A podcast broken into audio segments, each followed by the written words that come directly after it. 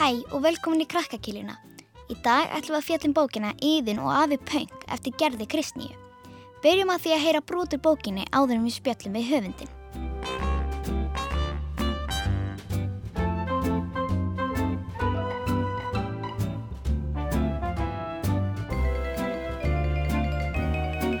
Einu sinni var ekkert til. Ekki jörðin, ekki mósfellsbær og ekki ég. Það var bara til myrkur og nettir sem þutu um geimin. Þetta hefur varla verið skemmtilegur heimur. Eins gott að ég byrtist ekki fyrir en búið var að finna upp jörðina og mósfellsbæin. Og auðvita afmælistaga. Það er engu líkt að vakna heilu ári eldri en maður var þegar maður sopnaði og var orðin 11 ára. Til hamingu elsku yðin okkar sögðu pappi og mamma nokkuð samtaka þegar ég kom fram í eldús. Þau höfðu greinilega æft sig. Þegar söngnum var lokið rétti mamma mér fallegan reyðhjólahjálm. Gjörðu svo vel, sagði hún og festi á mig hjálmin og stilti hann svo hann passaði. Þótt heimnarnir hrindu fyndir ekki fyrir því, sagði pappi og banka á hjálmin. Takk, hann er æðislegur, sagði ég ofur glöð. Bankið hljómaði eins og krummatnir sem ég heyrði upp á þaki þegar ég gist heimi á Maríusuru vinkonu minni og mömmu hennar. Þá sopnum við út frá því sem ég kallaði krummafætur en Marja Sara kallaði hrafnaspark. Þótt við værum ekki alltaf samanlega voru við heiminn góðar vinkunur. Ég var auðvitað með hjálmin á haustum á meðan ég borðaði ammælismúfur í morgumat með pappa og mömmu. Ég hafði heyrt að krakkar gætu fengið sigursjokk og ekki vildi ég meiða mig ef ég dætti sigursjokkiröð af stólunum. Þú ert orðin 11 ára. Það er ekkert smá, sagði mamma. Ég maður þegar ég var 11 ára. Þá var dansað við laugin með spæsköls í ammælisvislinu minni. Þær voru aðal stjörnunnar. Ég vissi ekkert um hvað mamma var að tala en ætlaði að skoða þessar spæsköls á netinu við fyrsta tækifæri. Hvernig fór fólk annars á því að skilja fóreldrar sína áður netið var fundið upp? Aðalgjöfin er samt út í gardi, yðin, saði pappi. Hún var of stór til að við getum pakkað henni inn. Aðalgjöfin? Ég held að það var í hjálmurinn, sagði ég og þaut út á pall. Það raki strax augun í frikka, hundin hennar klöru í næsta húsi. Hann stóð upp við runna og pissaði. Ég var svo glöð. Má ég eiga frikka, spurði ég. Líklega var ég eini krakkin í hverfinu sem átti ekki gælutýr og þótt það vera glatað að eignast notaðan hund, þá var það skára en ekkert. Nei, alls ekki, sjáðu, saði pappi og benti. Upp við rósarinnan, innst í gardinum, syðaði ekki aðeins risastór bífluga, en þeir stóð þar líka gullt reyðhjól með hvítum brettum, hvítum böglabera og fallegri tákörfu. Ég hefði aldrei síð jafnflott hjól. Ég gekka því og tók varlega utan um annað handfangi á stýrinu eins og ég var í hrætt um að það listist upp um leið og ég snerti. Bjallan líktist Marja henni. Ég hefði ekkert velt í fyrir mér hvað mér langaði að fá í ammaliðskjöf en nú áttaði ég mig á því að mér langaði ekki neitt annað en einmitt þetta hjól. Mitt gamla var orðið oflítið. Það var raukt svo ég hafði kattað það jarðabyrið. Nú er því að finna gott nafn á nýja hjólið. Afi átti bíl sem hétt Suppi og páafgaukurinn hennar Maríusjöru hétt Sletta. Ég ætlaði ekki að fá hjálp frá þeim að finna nafn. Ég liti hjólið út á stjætt, settist að bak og rendi minni í göttuna. Eins gott að búið var að finna upp hjólið.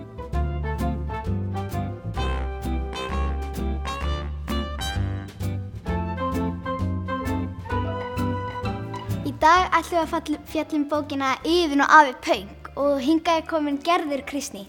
Velkomin Gerður Kristný. Þakkaði fyrir. Um hvaða fjallar bókin? Íðun og Afi Pöng er bók sem fjallar um hana Íðunni. Hún er 11 ára stelpa í Mósalsveit og pappin og mamma fór út á land í gönguferð og afinnar kemur og er hjá henn á meðan. Svo er hún nýbúin að eiga afmæli og reyðhjóli sem hún fekk í afmæliskjöf hverfur. Og hún er alveg sannfærð um að hrekkjusvínin í Súluhöfða, sýstutnar í Súluhöfða, það er hljóta að hafa tekið hjólið. Og hún þarf að finna hjólið áður en helst áður en, en pappin og mamma koma tilbaka. Svo er hún á reyðinámskeiði og svona eitt og annað sem blandast inn í þetta. Hún á bestu vinkunu, hann á Maríu Söru og henni þetta nú ímislegt snjált í hug. Einmitt. Hvernig lýsir þú aðal personum og hvernig æfintýrum lendaði í? Aðal æfintýrið er svolítið svona hverstagslegt. Það er reyðhjól sem hverfur og það er náttúrulega eitthvað sem íslenskir krakkar þekkja því miður. Það er óskaplega leðilegt þegar svona dýrmætar eigur hverfa bara og maður veit ekkert hvað varð um þær. Það er svona aðalatriðið en yðun er bara hugmyndarík stelpa og svolítið raunsönn. Mér fannst raunsæjar bækur mjög skemmtilegar þegar ég var krakki. Ég las um vennjulega krakka í vennjulegum aðstæðum. Ég trúði ekki að mikið á töfra og galdra og álfa og tröll en ég trú á drauga þannig að það mega vera draugar í bókunum mínum og fullt af myrkri.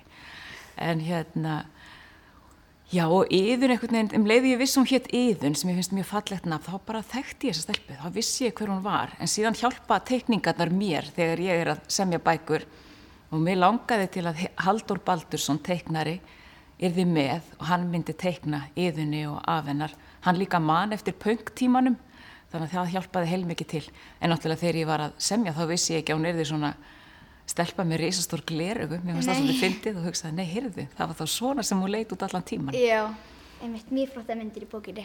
Takk fyrir það.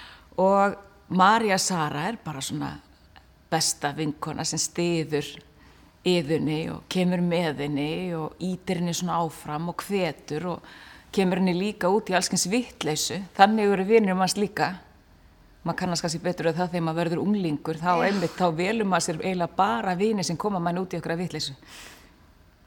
Já. Því meiri vittleysa, því betri vináta.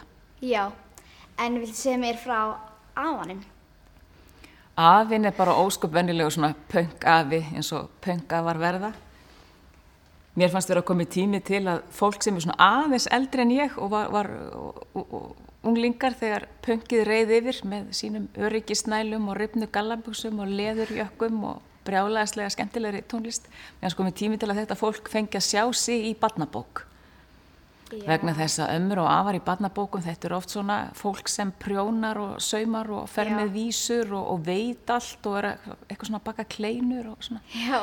En ég, mín kynslu er kannski ekki alveg þannig ömur og afar. Við erum kannski meira að spila The Ramones eða jafnvel bara djúran djúran fyrir barnabönnin sko. Já.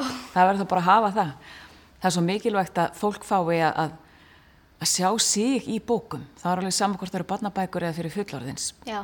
Þannig að, að krakkar sem ganga um í köplóttum skýrtum og nægstriðaskóm og, og, og borða takos í kvöldmatt, þeir vilja fá að sjá um þannig krakka í barnabókan. Okkur fullorðafólkinu líður alveg þannig líka. Þannig að mér langaði að, að sjá þarna einn afa með Hannakamp og í Ramónsból í þessari bók. Nákvæmlega. En af hverju ákvæmst að skrifum afa sem er pöngari? Það er ekki eitthvað slíkan. Fullt af þeim. Afar nú til dags eru óttalegir pöngarar og þeir spila ymmið þeirra Ramóns fyrir barnaböttin sín og fræða þau um alltaf frelsi sem fylgir pönginu. En maður langar til að hafa öryggisnælu í nefinu og furðilegt tattu á handlegnum þá er það bara þannig. Já. Eru personindin í sögunu byggður á alveg fólki? Öruglega, á þess að ég átti mig á því. Ég held að ég sé að semja eitthvað skáldskap en svo er þetta öruglega bara allt saman dagsatt. Já. Einst þegar maður heldur að maður sé að segja eitthvað satt í bók, þá er maður oft bara að skálda. Já, nákvæmlega. Ertu sjálf pínu pöngari? Ég gerði mitt besta. Mér langiði óskaplega mikið til að vera pöngari þegar ég var svona 13, 14 ára.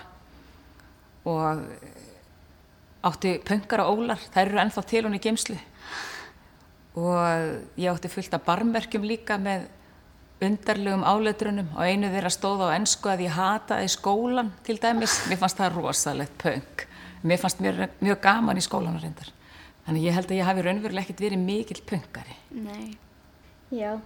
Um, Segð okkur frá myndunum í bókinni. Haldur Baldursson teiknaði myndirnar í yðinu af og pöng. Hann teiknaði líka myndirnar í Mörtu smörtu, fyrstu barnabókinu minni og bókunum um ballið á bestastöðum og mér finnst það mjög flinkur. Og ég var alltaf að rekast á henni í bænum, hann er nefnilega litla stelpu og hann er alltaf með barnavagn í bænum og við rákum stundum hvert á annað. Og hann sagði, já, ég hef ekki að fara að semja eitthvað saman og hef ekki að fara að vinna eitthvað? Og, og allt í hennu bara fór þessi hugmynd að, að, að blómstra í huga mínum að auðvitað var komin tími á að ég hóaði haldur og við semdum bók og, eða ég semdi bók og hann teiknaði og bætti einhverju sniðugu við eins og hann gerir alltaf. Já. Þetta væri náttúrulega hróðalega leðileg bók ef ekki væri fyrir teikningarnar hans haldurs. Já, og teikningin þar hans myndi ekki, það var ekki heil brú í þeim eða það væri ekki svona saga, bókstæfir inn á milli, þannig að þetta vinnur allt saman. Já, já. Þannig að Haldur var ráðinn í verkið og það er alltaf gaman að sjá hvað kemur frá honum. Já, nákvæmlega. Um, hvað finnst þér skemmtilegast við að skrifa fyrir börn? Ég skrifa bæði fyrir börn og fullorna og þegar ég skrifa fyrir börn þá get ég notað ímsa brandara sem passi ekkert í fullornaspækuna mínar og ég get svona fýblast meira og ég hef alveg þörf fyrir það sem rithöfundur að henda í smá fýblagang að láta svona einhverja grassirandi fordóma gagvart hrekkjum svínum í súluhöfða streyma fram og skell einhverjum tattúverðum afa í hljómsveitarból inn í mengið og aðtuga hvað gerist. Já. Svo þarf við þetta að henda í veislu í lokin. Það er alltaf þannig í barbapappabókunum og, og ástríksbókunum. Það er alltaf verið að grilla villisvín í lok ástríksbókana og, og þá er bundið fyrir munnin á, á óðuríki, skáldinu óverlega og það er ymmið það sem ég geri í barnabóki. Ég bara Já.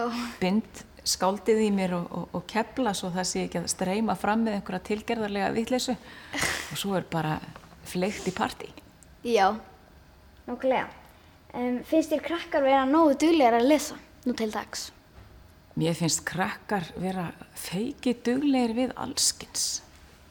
Þeir eru óttalausir og skemmtilegir og fyndnir og þeir eiga það til að horfa á þætti og spila tölvuspil og, og lesa bækur og, og ganga frá í herberginu sínu og það er ósköp indælt en mér kemur svo sem ekkert við hvað börn annars fólks er að betrífa og ég nenni svo sem ekkert að tala yfir, yfir þeim skemmtilega þjóðfélagshópi með fingurinn á lofti. Haldi bara áfram að vera frábær. Allt hitt kemur bara sjálfu sér. Já. ekki það ég alveg ykkur upp. Ég á ykkur ekki. Já. Hvað hefur þið skrifað margar barnabækur? Ég veit það ekki. Það voru þrjár léttlæstabækur og þrjár bækur um ballið á bestastöðum. Þá vorum við komið með sex bækur. Hvað, 12, 15, eitthvað svo leiðis. Kanski helmingurinn af öllum þeim bókum sem ég hef skrifað. Og mér langaði alltaf óskaplega mikið til að verða barnabóka höfundur. Ég byrjaði að skrifa fyrir fullorna og svo reyndi ég hvað ég gat að finna hugmynd sem passaði í barnabók. Það tók mér bara nokkur ára að átta mig á því að, að Marta Smarta, fyrsta barnabókin mín, gæti hugsanlega orðið sæmileg og henni var vel tekið þannig ég hef haldið áfram og skrifað smásögur og, og leikrit, söngleik í þjóðleikúsinu upp úr ballinu á bestastöðum. Og uppáhalds höfundar mínir hafa alltaf verið barnabókahöfundar. Mér finnst þeir alveg óskaplega flinkir og færir. Já. Þannig að mér langaði að skrifa fyrir krakka. Svo hefur þetta svona blandast sitt, sitt á hvað og fer vel saman, fullaninsbækurnar og barnabækurnar. Þannig að ég er bara ekkert að baki dottin. Nei. Verða fleiri bækur um yðin afi pöng? Mig grunar það. Það er eitt og annað í starthólunum. Já. Þannig að nú þarf ég að fara að, að eh, finna eitthvað verðugt verkefni fyrir yðunni og afa hennar og aðtuga hvernig því fleitir fram. Þannig að jafnvel. Spennt að lesa framaldi ef það verður. Já. En takk fyrir komina í dag. Takk fyrir mig.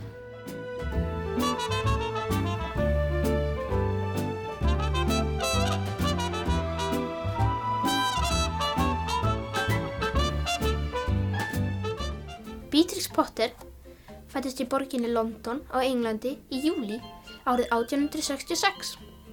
Hún var rítöfundur og teiknari. Hún er þekktust fyrir barnabækur sínar þar sem dýr er í aðallutverki, eins og bækurnar um Pétur Kaninu. Beatrix Potter gekk ekki í skóla, heldur hann kennslukonu sem kom heim til hennar daglega. Hún átti alltaf gæludýr og hverju sumri dvöldu hún og bróður hennar á sveitarsetri fjölskyldunar. Dýrin og náttúran verði innblástu fyrir teikningar hennar og sögurnar. Fyrstu teikningarnar voru einmitt af kanínunni hennar, Benjamin Skoppara, sem borðaði rísta brauð með smjöri og fór með henni í göngutúr í ól. Fyrstu bókina um Pétur kaninu gaf hún út sjálf og eftir það varð aðal starf hennar að skrifa og teikna barnabækur. Hún elskaði að vera út í náttúrunni með dýrunum sínum og hún átti til dæmis margar kindur sem þóttu sérstaklega glæsilegar og fengu mörg verðlun. Bækunar hennar hafi verið þýttar og gefnar út um allan heim og sögurnar hafi verið innblástur fyrir tónlist, hjómyndir, ballettansverk og teiknimyndir.